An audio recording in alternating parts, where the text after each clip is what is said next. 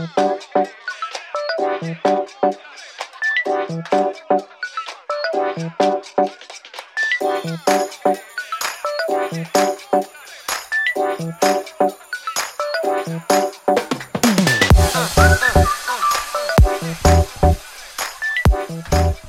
welcome back to Pruiktijd, the Dutch drag race podcast, coming to you live from DragCon UK 2023. We did so many interviews during this amazing weekend that we've decided to cut them up in different episodes so you can enjoy them and really take your time with them. Thanks to everyone involved for getting us so many times with a lot of these amazing queer talents. Today, you'll hear from two of them, one of them later on today being Trinity the Tuck who will talk to us about what is it like when you're an internationally traveling drag queen? How do you take care of your body? What do you do with all your amazing drag outfits? And what is it like being a drag queen in the current political climate? But first, I sit down with Fenton Bailey.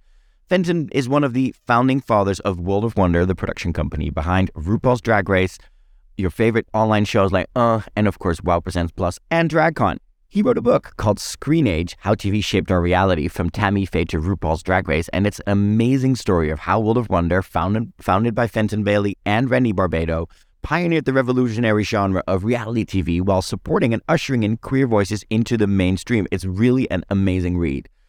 To promote that book, he was able to have some time with us and sit down where we'll be discussing what is it like still producing Drag Race 15 years on? How do they keep it fresh? How is the media landscape evolving? And tells us a little bit more about what is it like also creating your own chosen family within a production company within the amazingly growing world that is Hollywood.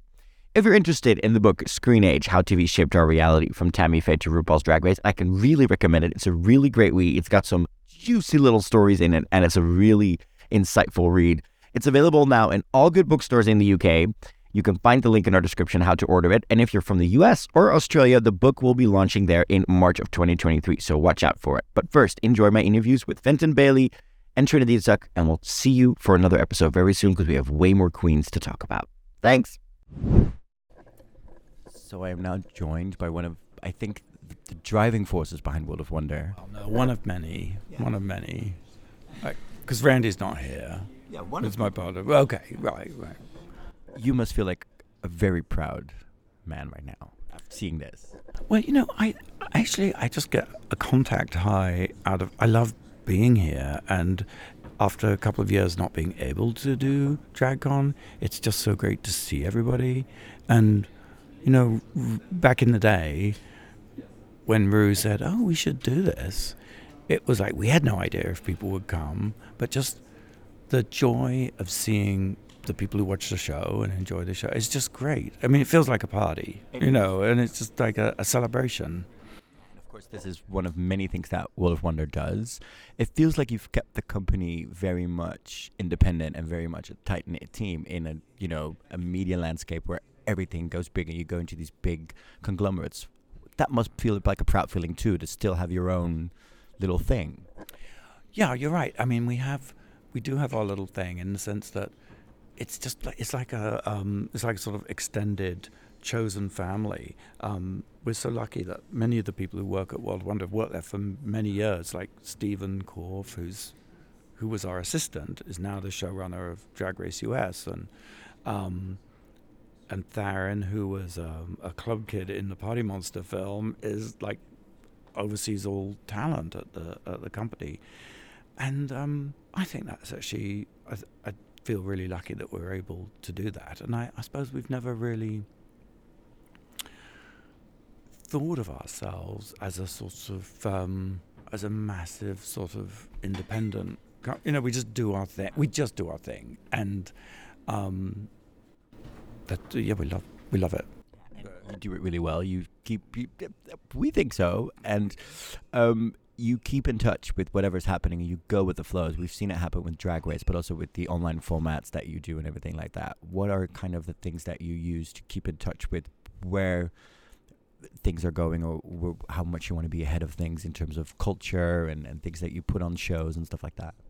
Well, I think it's um, yeah, no, that's a really good. That's a really good question. In sense, I think we just do the things that interest us, and we don't actually always know if they're such a good idea to do them. Um, and but interestingly, I think media is changing so much. I mean, that's sort of why I one of the reasons why I wrote the book because I was like trying to figure out why do why is TV so important, and yet why does it get so slagged off? Why do people why are people so negative about reality TV when it's this genre that's changed so much? And I just think that what's it's not so much that we do anything to keep in touch. It's just that it the media environment is changing so rapidly and fast. It's like feels like sometimes it's even progressing backwards a little where we are now because of all the choice we have with Mm. streamers and platforms like that. People crave a bit more Right. curation and, and maybe go back to linear stuff as well. Um, do you feel that as well? I do. I, that is. I think that's really fascinating. The way you know, everyone said now that streaming is here, linear is over. Linear TV is dead. Cable is dead, and then, and then you have these fast channels, which are you know, channels with advertising in them that you can watch online, and they're programmed like a regular channel. And I think that goes to show that there's room for everything, and that so often we think it's all about it's all about this, and everything else is gone. And actually, it's not. It's like I think that one of the sort of you know growing up in media was always about being exclusive, right, and having it just for you and just on one channel. And now we're finding actually no, you want to be collaborative and you want to be on lots of different channels and outlets and platforms, and it all sort of contributes. And that's sort of why we did WoW Presents Plus because we're not trying to be Netflix. I mean, yes, we want to grow, but we're not trying to be all things to all people. It is um, hopefully feels like an extended, like an extended family, like a curated. I don't like that word curate, but you know what I mean. Like a sort of that it is just what it is, and um, I just think it's so. I just think it's so interesting to see. And of course, you wrote your book Screen Age also about how reality TV has grown and shaped us as well. There's always this balance between with reality shows about sticking to what is the success and but also churning off if it stays stale and stays the same. How have you applied those lessons you've learned and you've seen in the book also to something like Drag Race, which, you know, we're in season 15 now. You have to no, but yeah, yeah, it's amazing. But you have to kind of balance always the stick to what people love to innovating. How do you do that for the show like Drag Race, for example?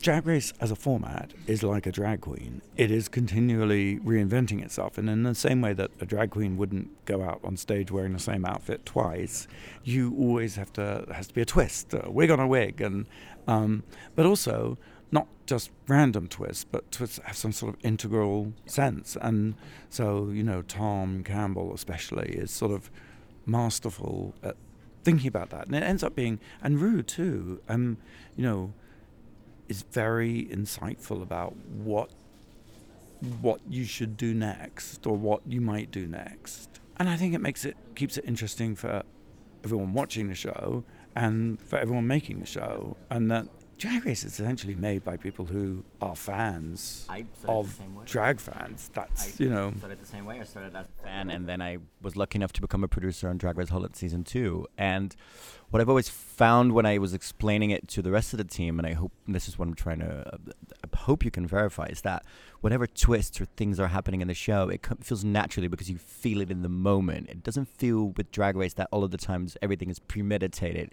You have a good sense of what feels natural for storytelling in the show. Is that true, or It's totally that is totally true. And every every season, that cast takes us places we had no idea we were going to go. Like it, the the surprises do happen all by themselves, and then we have to like roll with it and then figure out how to deal with it. But you know, it never it really is never a dull moment.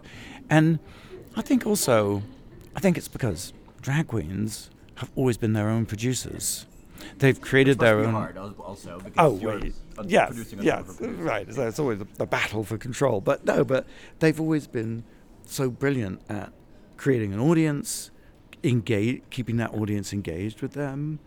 Uh, I think, you know, drag queens have been phenomenal on social media, and understood it, intuited it in a way that Hollywood stars were like, "What is? Why would I be posting this, or why would I do that?" Um, of course, we are gearing up for now season 15, but you're doing a lot of shows throughout the year. You've also sold the franchise to a lot of different countries. How do you keep in touch with everything? Because I think you must have 40, 50 tabs in your email box with everything coming out. How do you balance that time of keeping in touch with everything that World of Wonder does now? Well, I mean, the um, with with the different franchises, with the different international productions. On the one hand, we um, we we are involved in them all, but also at the same time, the key is we find great collaborators and producers like like yourself or like Dimitri, who is the showrunner of Drag Race Italia, and it's like once you find that person who often loves the show, it helps, you know. It's like they are bringing something to it. They're bringing their own vision to it. Because the last thing you want is Drag Race to feel the same. You don't want it to be muck Drag Race. You know, it should be unique in every place and in every way. So once you've got that, we're very lucky with the, the collaborators we have. It's possible to do, you know. And it's really interesting because you learn things from like, oh, well, they did this in Spain. Let's try that here, you know. And they're also, the other thing is, they're also slightly competitive with each other. They so yeah. Italy wants to be better than Spain, and then France, like the, so, um, so that's, that's not a bad, that's a good thing. And then final question is, of course, y- the Drag Race is such a weird way of doing a reality show because the contestants have to invest when they come into it. They get a career out of it as well. There's nothing like it when it comes to reality shows. With American Idol, there's no investment to make, and the careers are maybe there's not a scene as in for a drag scene, a drag queen circuit touring around the world. Um, and you've made a really big impact on that. Do you realize that impact as well? That you've really changed an ecosystem and not just the thing? Because I think it's amazing. It's the only show in the world who has done that.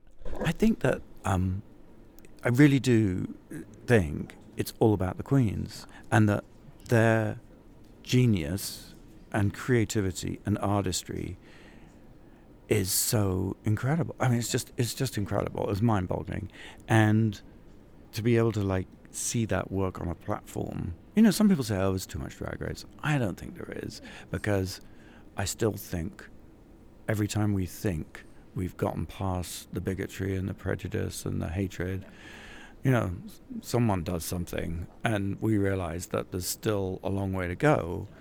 Um, but I think that it's, um, I lost my train of thought, but it's just this idea of it's really not us, it's them. Do you know what I mean? Yep. It's the, it's, it, it is that incredible well, that sort of spring Yeah. of creativity. And I guess we're lucky. We're lucky because it just wasn't on TV before. Like it, everyone thought it wasn't fit for TV for whatever bonkers, insane reasons. And yet, I think drag is the killer application for TV. It's a mm. small screen, but you know it's about making a big impact. And it, that's exactly what it's like. How do you make a big impact? How do you leap out of a small screen? And drag drag artists know how, how to do that. And it's not just about having a big wig. It's a whole myriad of things about being able to get people's attention and say something to people or move them, you know. And that, I think as artists, drag queens are second to none, you know. And I have to ask behalf of my country, you are gearing up for Global All Stars. Will you be having a little peek into the, the, the field of our Dutch queens to maybe consider oh, them? I mean, the Dutch queens are amazing, and you know, I do- you know we are slightly somewhat paused at the moment in terms of future seasons, but we're not done. So and and Dutch queens are amazing. I mean, really. So you know. Oh. Thank you so much for the time and thank you for the opportunity and everything you've created because this is part of what you've done. So thank you so much. Lovely to meet you. Thank you for being here. We want to give a special shout out to Mr. Jock, our sponsor, who made it possible for us to go to DragCon in London. Don't forget to visit them at MrJock.com for all your awesome underwear, cute outfits when you go partying, and maybe even some cute little toys. Thanks so much, Mr. Jock. And end of DragCon nearly, but I'm here with one of the beaming lights this weekend, Trinity the Tuck. How are you? I'm wonderful. It's been a fabulous time. My feet are about to fall off. I, even though I'm in these like rhinestone flats, but hey, it is, it's a lot. How do you take care of like your feet and your body after a weekend like this? How does that work? Well, uh, just what I normally do, I just have something replaced. you know, I have my doctor on speed dial. I'm just like, hey, I'm coming over. But do you have like beauty regimens or like certain rituals you'll have after this, going like, all right, I have these products and this, just soak it all out after a day like this? I think you really do have to do self care when you're traveling, when you're under a job that is like very physically stressful. Um, massages. I try to get a massage twice a week at least, not a week, a month, um, because I carry a really heavy backpack and you know my feet. I always complain about my feet. Is if anybody is into feet, I mean I'm not into feet, but if you are you want to massage my feet, please. I'll give you a free meet and greet. I love it. Now, what has this weekend been like for you? Receiving all that love, receiving all that passion from the European fans? It's been absolutely incredible. Uh, this has been way more energizing. Not that LA DragCon was also, but there it's just a different energy here. I think because I'm not from here, and so I, I don't get to see my fans from this side of the world as often, and it's just been so amazing. Everybody's been so nice and so patient because this line has been so crazy. So I've been so fortunate. So if you are listening and you came and saw me, thank you, and I love you. And I mean, you are a generous queen yourself as well. And if I follow you in line, you're always sticking up for your own community, for the drag communities, the pageants, stuff like that. Um, what is that? Why is that so much in your core DNA? What instilled that in you?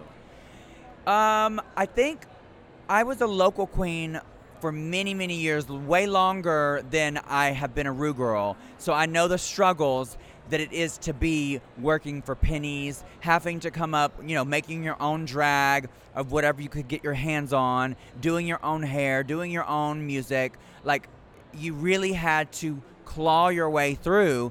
And um, I think it's important that we make sure we stick up for other people that don't have the same platform that are going through those things because I don't know I say this wherever I go please support local drag I don't know if anybody knows this at least in the states drag local drag artists are still being paid the same rate that they were paid in the 80s It's, the same in Amsterdam. It's insane. so I think that's so unfair. Drag is way more expensive, and we bring so much to these venues that they should be paid more. So if if you are a promoter or or an, a bar owner, please support your local drag, your your home girls, your home guys, your home days, and and pay them more because they are working really hard. They're you, the voices of our community, and they bring people through the door. So you need to pay them fairly.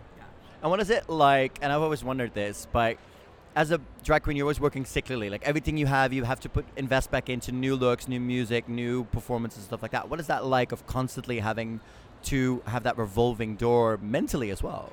I think the first thing is you have to look at this like a business. And if something is not profitable, don't do it. And with drag, what I do, it, what works for me, and uh, a lot, a lot of people don't do the same thing. Like Manila, I'm very good friends with Manila. Manila keeps everything she ever has made. It's, she has, her drag closet's insane. I am opposite. I, if I invest a lot of money in a look, and it's been seen on a high profile thing, I'll sell that, get my money back, and invest that back into something else. So you have to be smart about this because it is a business and look at it that way. What is the most fun for you about drag right now? The, the funnest thing about drag right now is the politics. I, I feel like, you know, conservatives around the world, um, they, well, they've, they've, they've went after LGBT people so much that there's no nowhere else for them to go except for now drag, and they they hate the fact that we that we're kid friendly. Most of us, maybe not most of my shows, but a lot of drag artists are kid friendly. DragCon is kid friendly, and so they have to come after. So watching the politics is fun. It's also scary, but you don't get anything done by just stepping aside. And um, it's fun to see people like for instance this past christmas holiday season in the states we did a christmas tour and there Yeah, were Peter and Murray and yeah and there were protesters in the audience. That was wild. but if you notice there were way more anti-protesters outside and in the building than there were so we're moving in the right direction And of course, you are also known for being naturally fucking funny. One of the most iconic things that I always keep recognizing is you with that hook with Derrick Barry and stuff like that. Because you feel that moment happening. Do you? Uh, uh, where does your sense of humor come from? Who has instilled that in you? Is that your parents, your friends, your upbringing? I think it's just life. You know, you you learn things as you go. Um, I used to be very timid as a kid. Uh, drag has definitely helped me own who I am and learn more about myself. Being on Drag Race definitely helped me explore things that I would not have done otherwise. And so now I'm more, my comedy is more impulse. And sometimes it lands, sometimes it doesn't, sometimes it's crass, sometimes it's not, sometimes it's funny, sometimes it's not. That's okay. And, It can make you laugh, and that's the most important thing too. yeah, and I think I think you know everything's about risk, and I'm still learning, um, especially with comedy. But um, yeah, I think it's impulse. Two final questions. First one: Who has been the absolute craziest in the hotel? Been the absolute craziest in the hotel. I don't know because I am an old person and I go to bed right after this. So I don't know. But I did have someone come in my meet and greet just a few minutes ago and said that he was out with Evie Oddly till the wee hours of the morning. So I have no idea what they were doing, but I want to smell it. And final question: What can we expect from Trinity this year in 2022? What have projects coming up? What is happening? What is making you excited for this year? I have so many major tours that are coming. I'm going, I have a South American tour. I have the Haters Roast tour that's coming to Europe. I have some more European stuff that I'm doing. I have a Canadian tour. Um, I have an Australian tour. Whoa. There's so many tours. A- aside from that, I've already filmed another TV obligation. I can't tell what it is yet. Um, look for that. There's another one that's in the works. So there's so much exciting stuff. Just keep up with me on all my social media at Trinity the Tuck, and you'll find out. When are you home? Never. Oh my God. I know. Trinity, thank you so much. You look absolutely amazing, Thank and thank you for having a little time for us. Thank you so much for having me.